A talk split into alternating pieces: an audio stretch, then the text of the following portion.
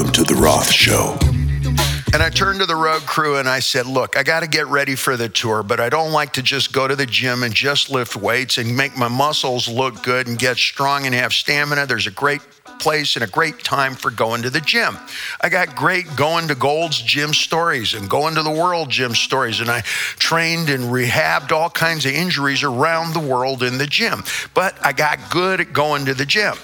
And I don't just mean in the gym. I got good at, okay, going in the subway to Tokyo. I went to the Gold's Gym there.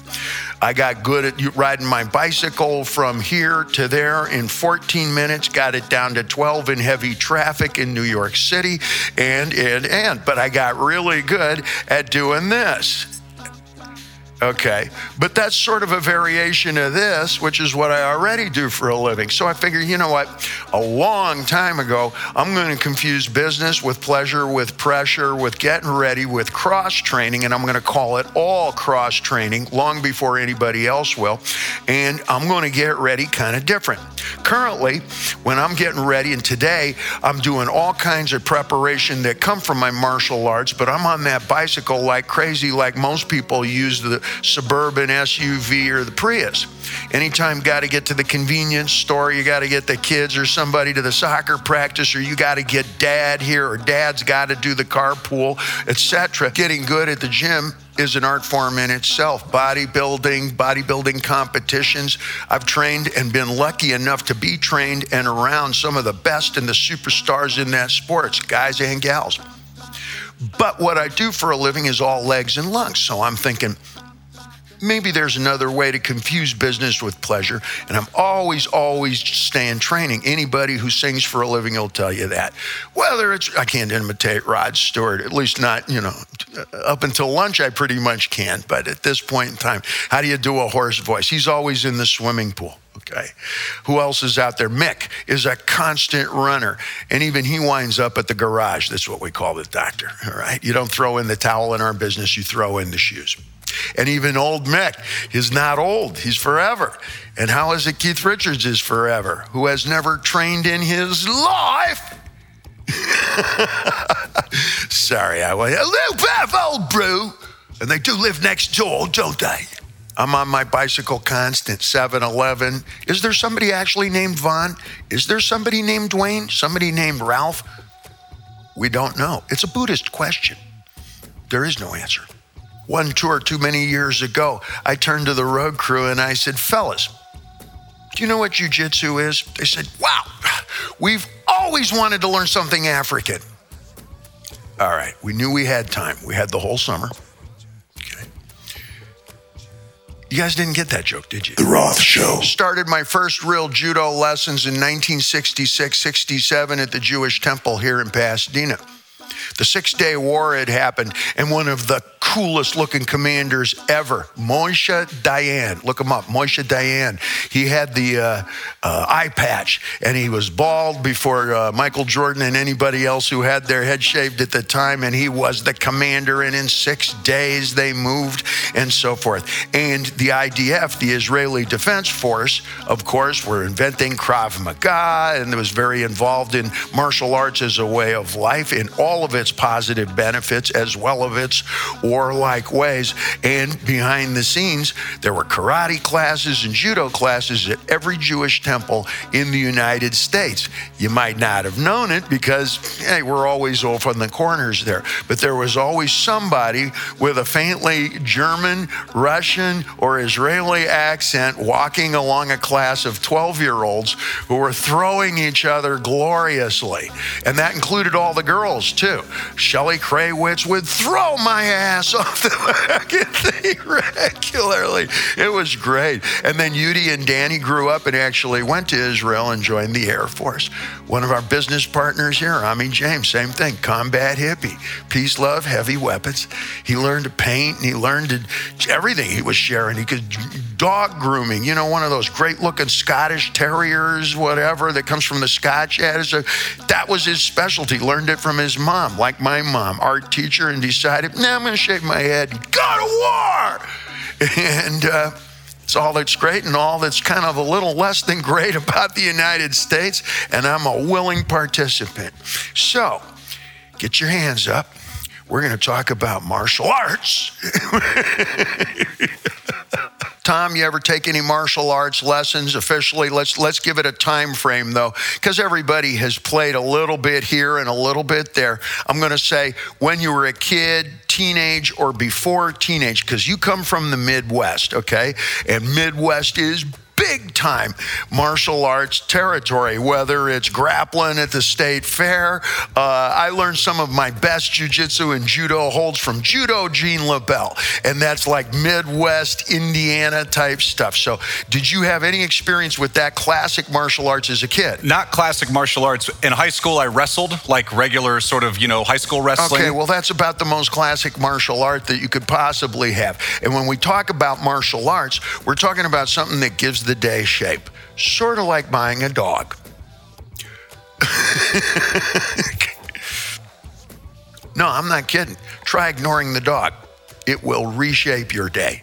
Russell was my best coach ever. And I say it only joking, but not half joking. The basic tenet pivot of martial arts is deception. So I don't know if I'm joking and I'm not going to let you know if I'm being serious. But any coach, shit, I'm a rock star. I can go coach the Ferris Bueller. Oh, man, Tom, I can't shoot today. And uh, how do I sound, Tom? Tom, how do I sound? Don't sound so good. Oh fuck! I don't feel very good.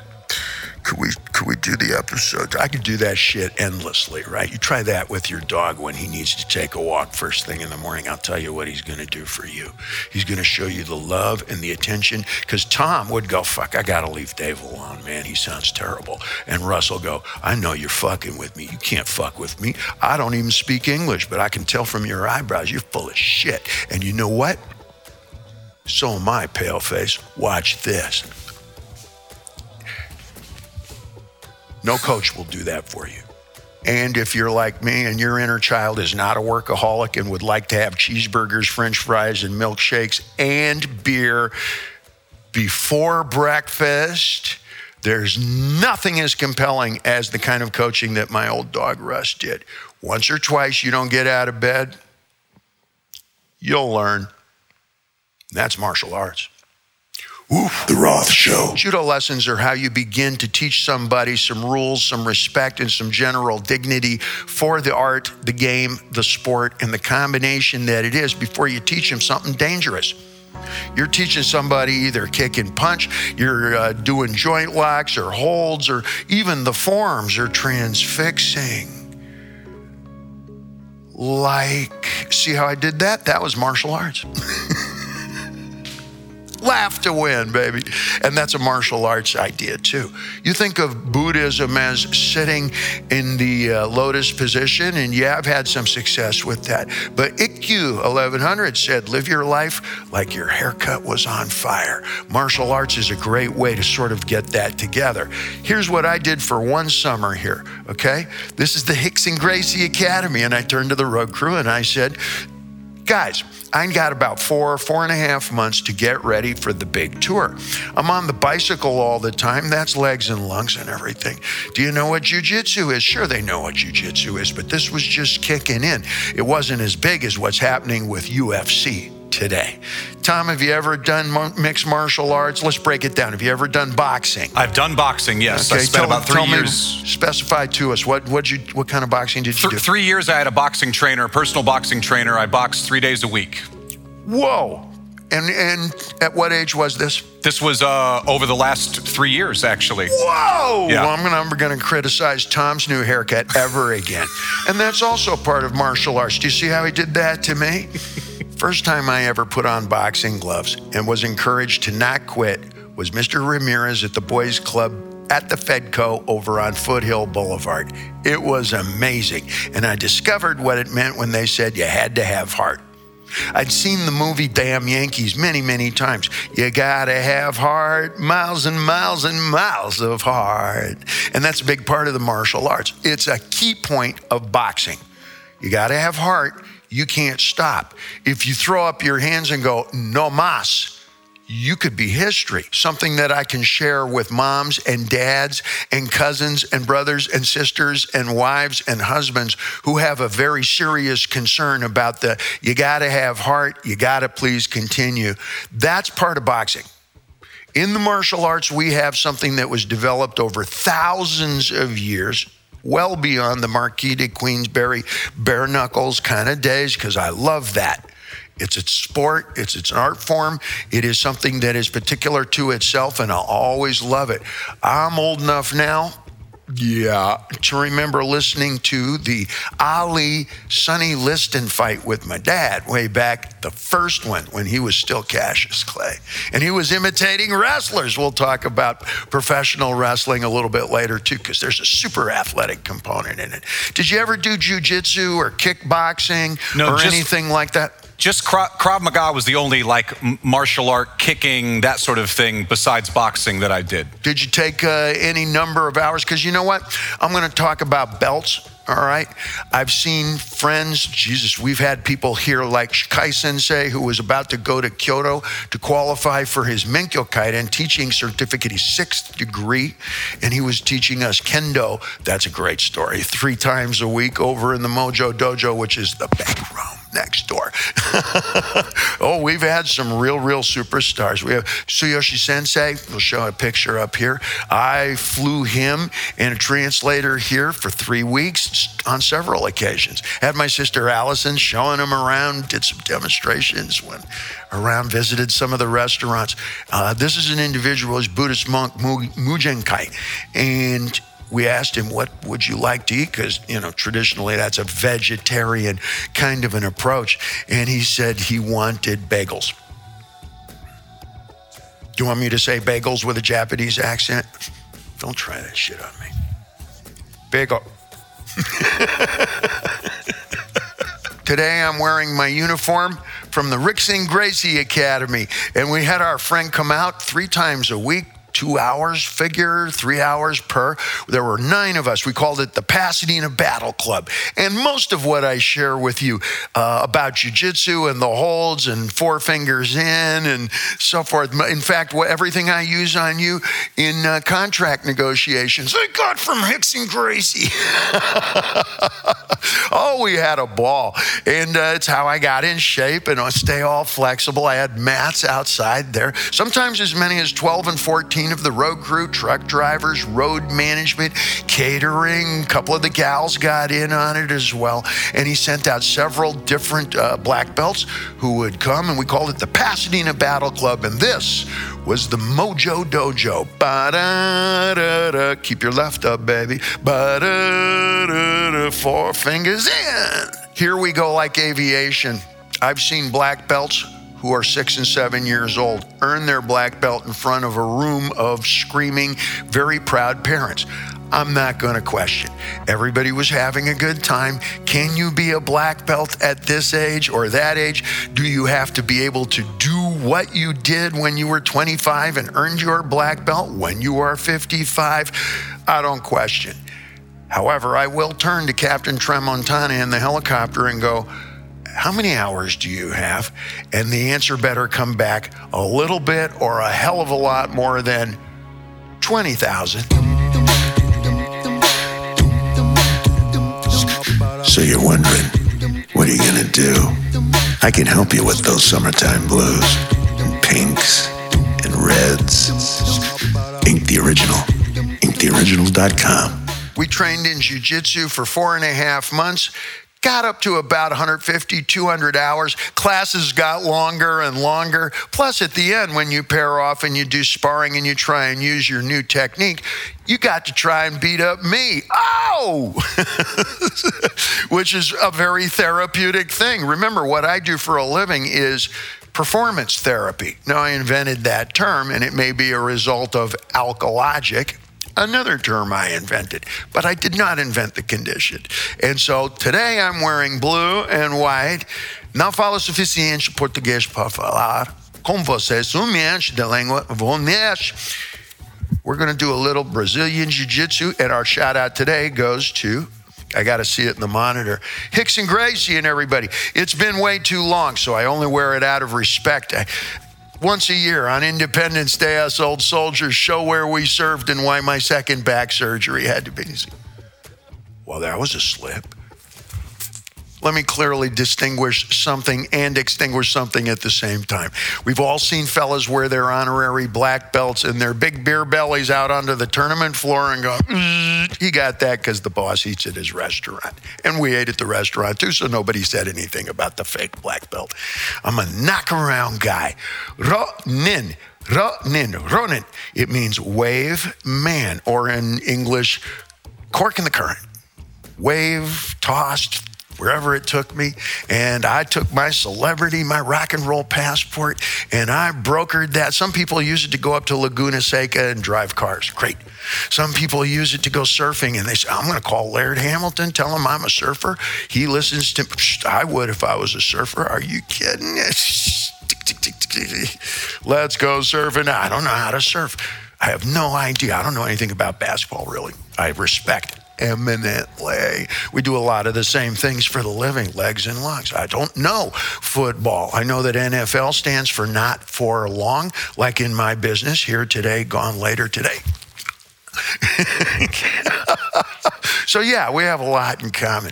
I know the martial arts inside and out because having started as a kid in all the formative points 40 summers ago when I was flavor of the week for the very, very first time I used my rock and roll celebrity as a passport, as a visa. Who doesn't know the sound of Van Halen if you're involved in contact sports of any kind for about 25, 30 years there? You can't go visit a gym without hearing my stentorian tones. You can't lift weights. You can't do rugby. You can't do soccer practice. Just, it's endless because Van Halen is the sound of movement. We dance all night, we run, we jump.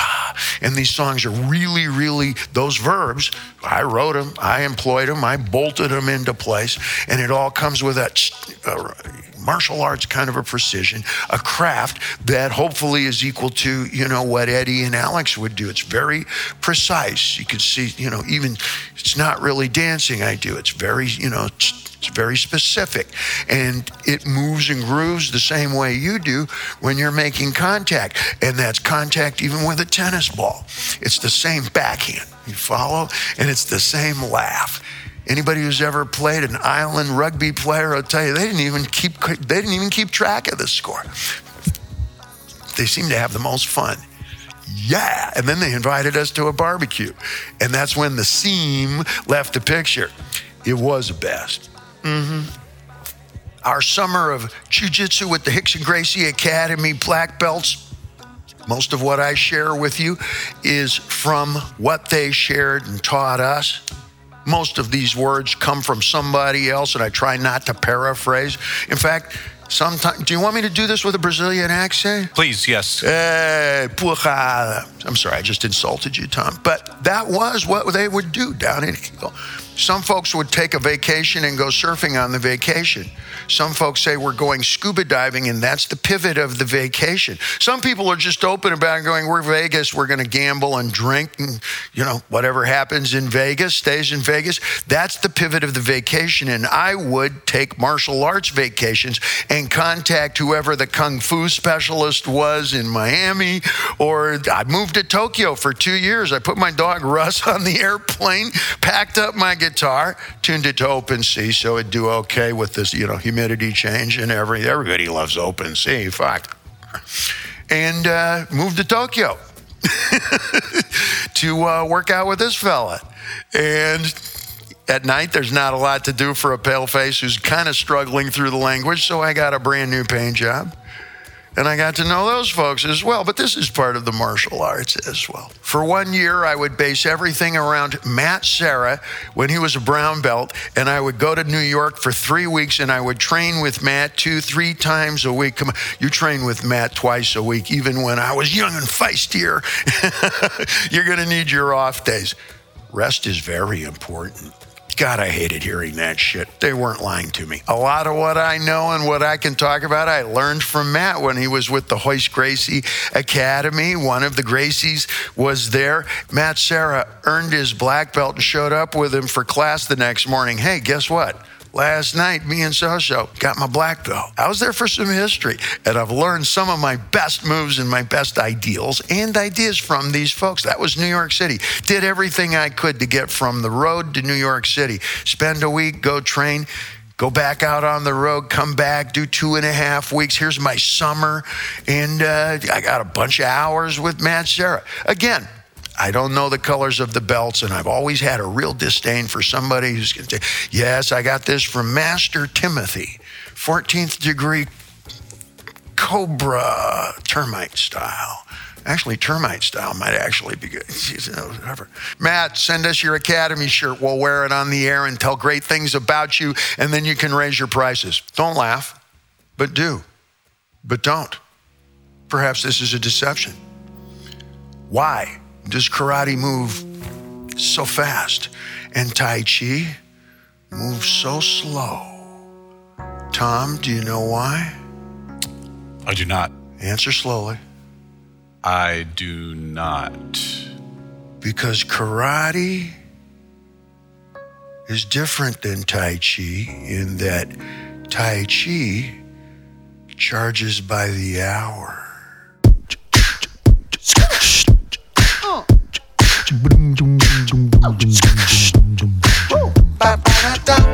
Shake, shake, shake. Shake, shake, shake. Shake, shake, shake. Your booty. This important public message has been brought to you by. The Original, theoriginal.com. In the 1800s, there was a term invented called pantry boxing. Pantry boxing.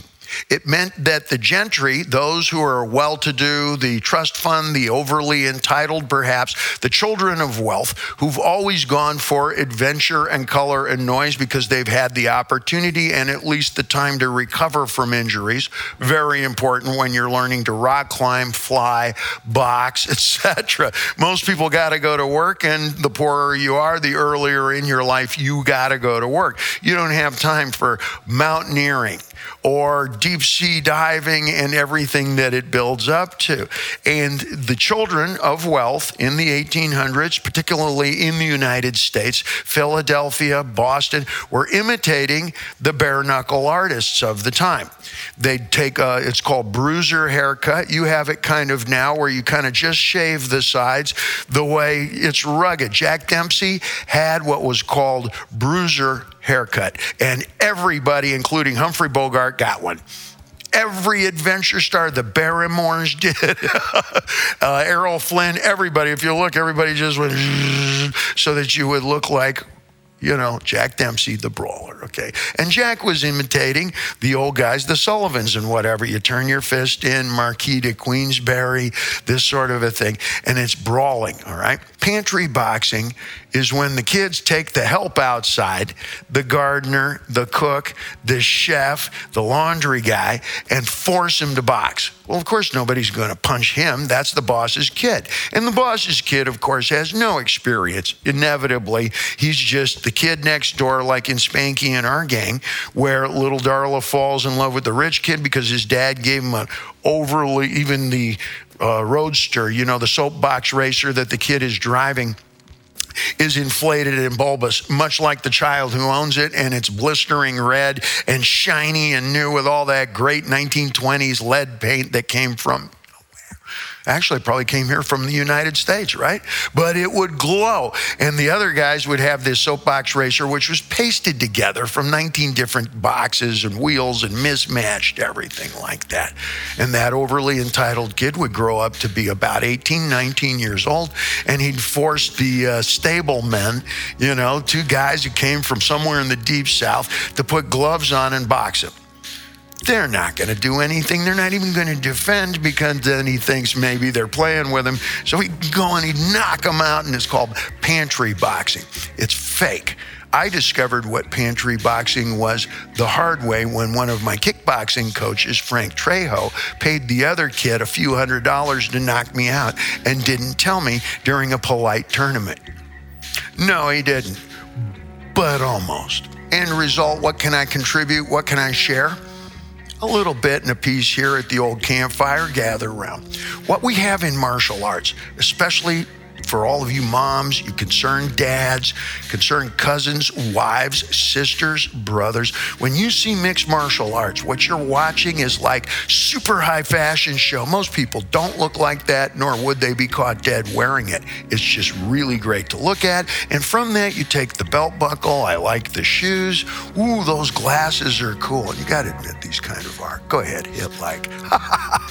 See, the basic tenet of martial arts is deception. You don't just overpower. Tom, what do you do instead of overpower? You crumple. That's right. And that's the absolute definition, that's the literal definition of the word kazushi. Jumonji Kazushi. This means 10 crumpled up, and I'm going to do like this very slowly, and I'm going to watch that. Watch. I'm going to hit like with my elbows. Ting. Try it. 10 times. Go ahead. Here we go. The Roth Show. Sharing my background stories is a lot of fun. What can I share that might illuminate and carry you on to the future a little bit? Sometimes I think, hey, if I went on one of the shows on TV, if I walked onto The View and those gals, and there's a lot of brains on that television show, would question mixed martial arts. Is that dangerous? Is that noisy? Is that colorful? Yeah, just like, uh, family reunions, spring break, traffic jams in Tokyo on a really, really, really, really, really, really, really, really hot August day. Tempers are a little thin. yeah. Okay. Yeah. That's noisy and colorful. But that's a very high end of what's going on. In martial arts, when we start off with judo, that's where you learn your manners. And that's where our little gals and our skinny little guys learn that, nah, it's about control, mind control. It's about technique. It's about working the corners. It's craft. Just remember, little David brought down, he's the first sniper, brought down Goliath with one bop, mm, like that. And all he did was use a sock to do it. We think so? In martial arts, we have something called the tap out. It's very different than boxing. In boxing, you are encouraged to forge ahead, forge ahead at all costs. We all know what that cost could potentially be. And we're prepared to watch that a lot of times.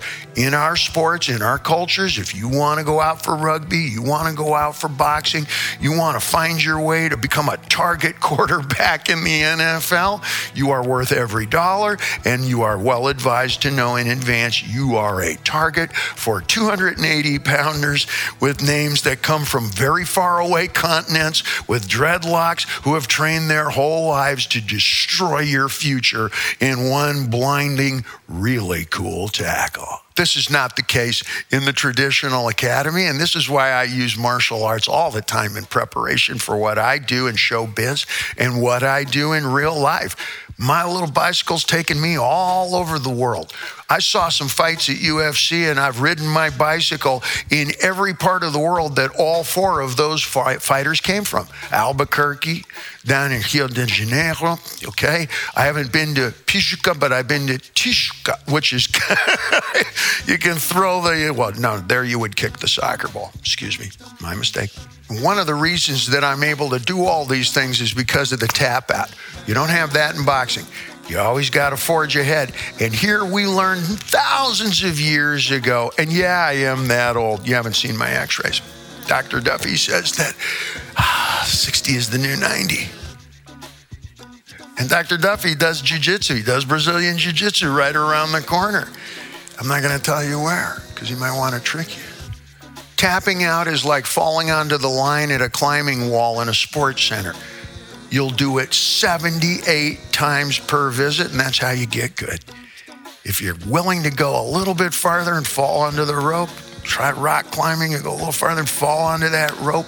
That's happening thousands and thousands of times around the world. And school kids, seven and eight years old, are putting on that harness and go for it. Go for it, Tina. She reaches, let up. That's a very familiar sight. You've seen it all over the world now. And that's what the tap out is. I'm going to try for it. Oh, wrong idea. And you're out. And you do it with your foot, you can do it with your head, whatever. And that tap out adds about another, I'm going to, I'm a living testimonial, about another 60 summers to your career.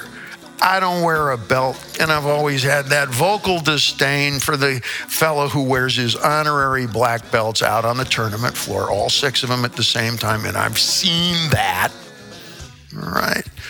But I added up the hours conservatively for what I've done as a knockaround guy in the martial arts. And starting 40 summers ago, when I was Flavor for the first time, and I actually had a little bit of a budget and a real swinging passport, and the idea wow, my rock and roll is everywhere. Who isn't going to answer our phone call? I started just showing up in academies. Hey, who's the guy in the back there? It looks like Tarzan in the corner there. And up till just very recently, when I went to Japan and I'd walk into the back of classes, and I've been to classes where they don't speak any English at all. Sometimes it's just Japanese, where it's only been Spanish, where it's only been Portuguese, Portuguese, but Brazilian Portuguese. And you have a mutual spirit martial arts people have a great sense of humor, and the bad guys are really bad, and you can see them coming from a long ways away. They have great tattoos because that's Esperanto. There's 27 different languages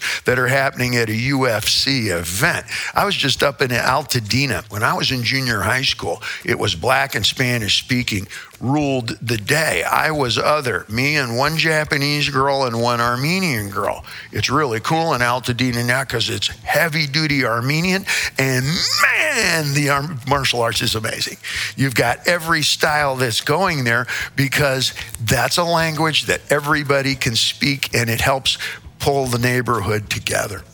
When my father passed away, we had the reception at a Mexican restaurant because all of his coaches and teachers in the martial arts were Hispanic. A lot of mine were. The same fellow who paid somebody few hundred dollars to knock me out probably tried the same thing on my dad and gave a testimonial. In fact, Frank did, now that I'm thinking about it on camera. That sense of humor is also part of martial arts. The roof, the roof, the roof is on fire. We don't care. Let the motherfucker burn. The roof. Is on fire. Stay cool, baby. Stay frosty. Ink the original. InkTheOriginal.com in martial arts, what we have is the tap out. We don't go to the knockout. 99% of us go out onto the mats in jiu jitsu. And I'm going to talk about a bunch of styles. People have been asking about what's your martial arts background scrapbook? Tell us the stories, Dave. This is just the beginning here. Get around the campfire. I got a lot, a lot, a lot, a lot, a lot of hours in. You're safe in my helicopter. and I got the scars and the stars, okay? And uh, I got a salty sense of humor about it. That's part of the martial arts. Laugh to win. That's the name of our company here. Laugh to win. Sometimes it has nothing to do with funny. Ha ha! We laugh like pirates. We laugh like samurai. And sometimes we laugh like Brazilian fighters.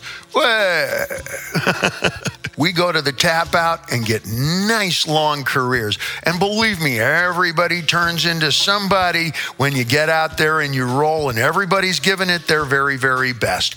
I personally turn into Wanderlei Silva roughly around 1993 but that's a personal preference. Some of you may want to be Nunes. Some of you young ladies have role models now as well. Jiu jitsu is what you do when you drop the sword.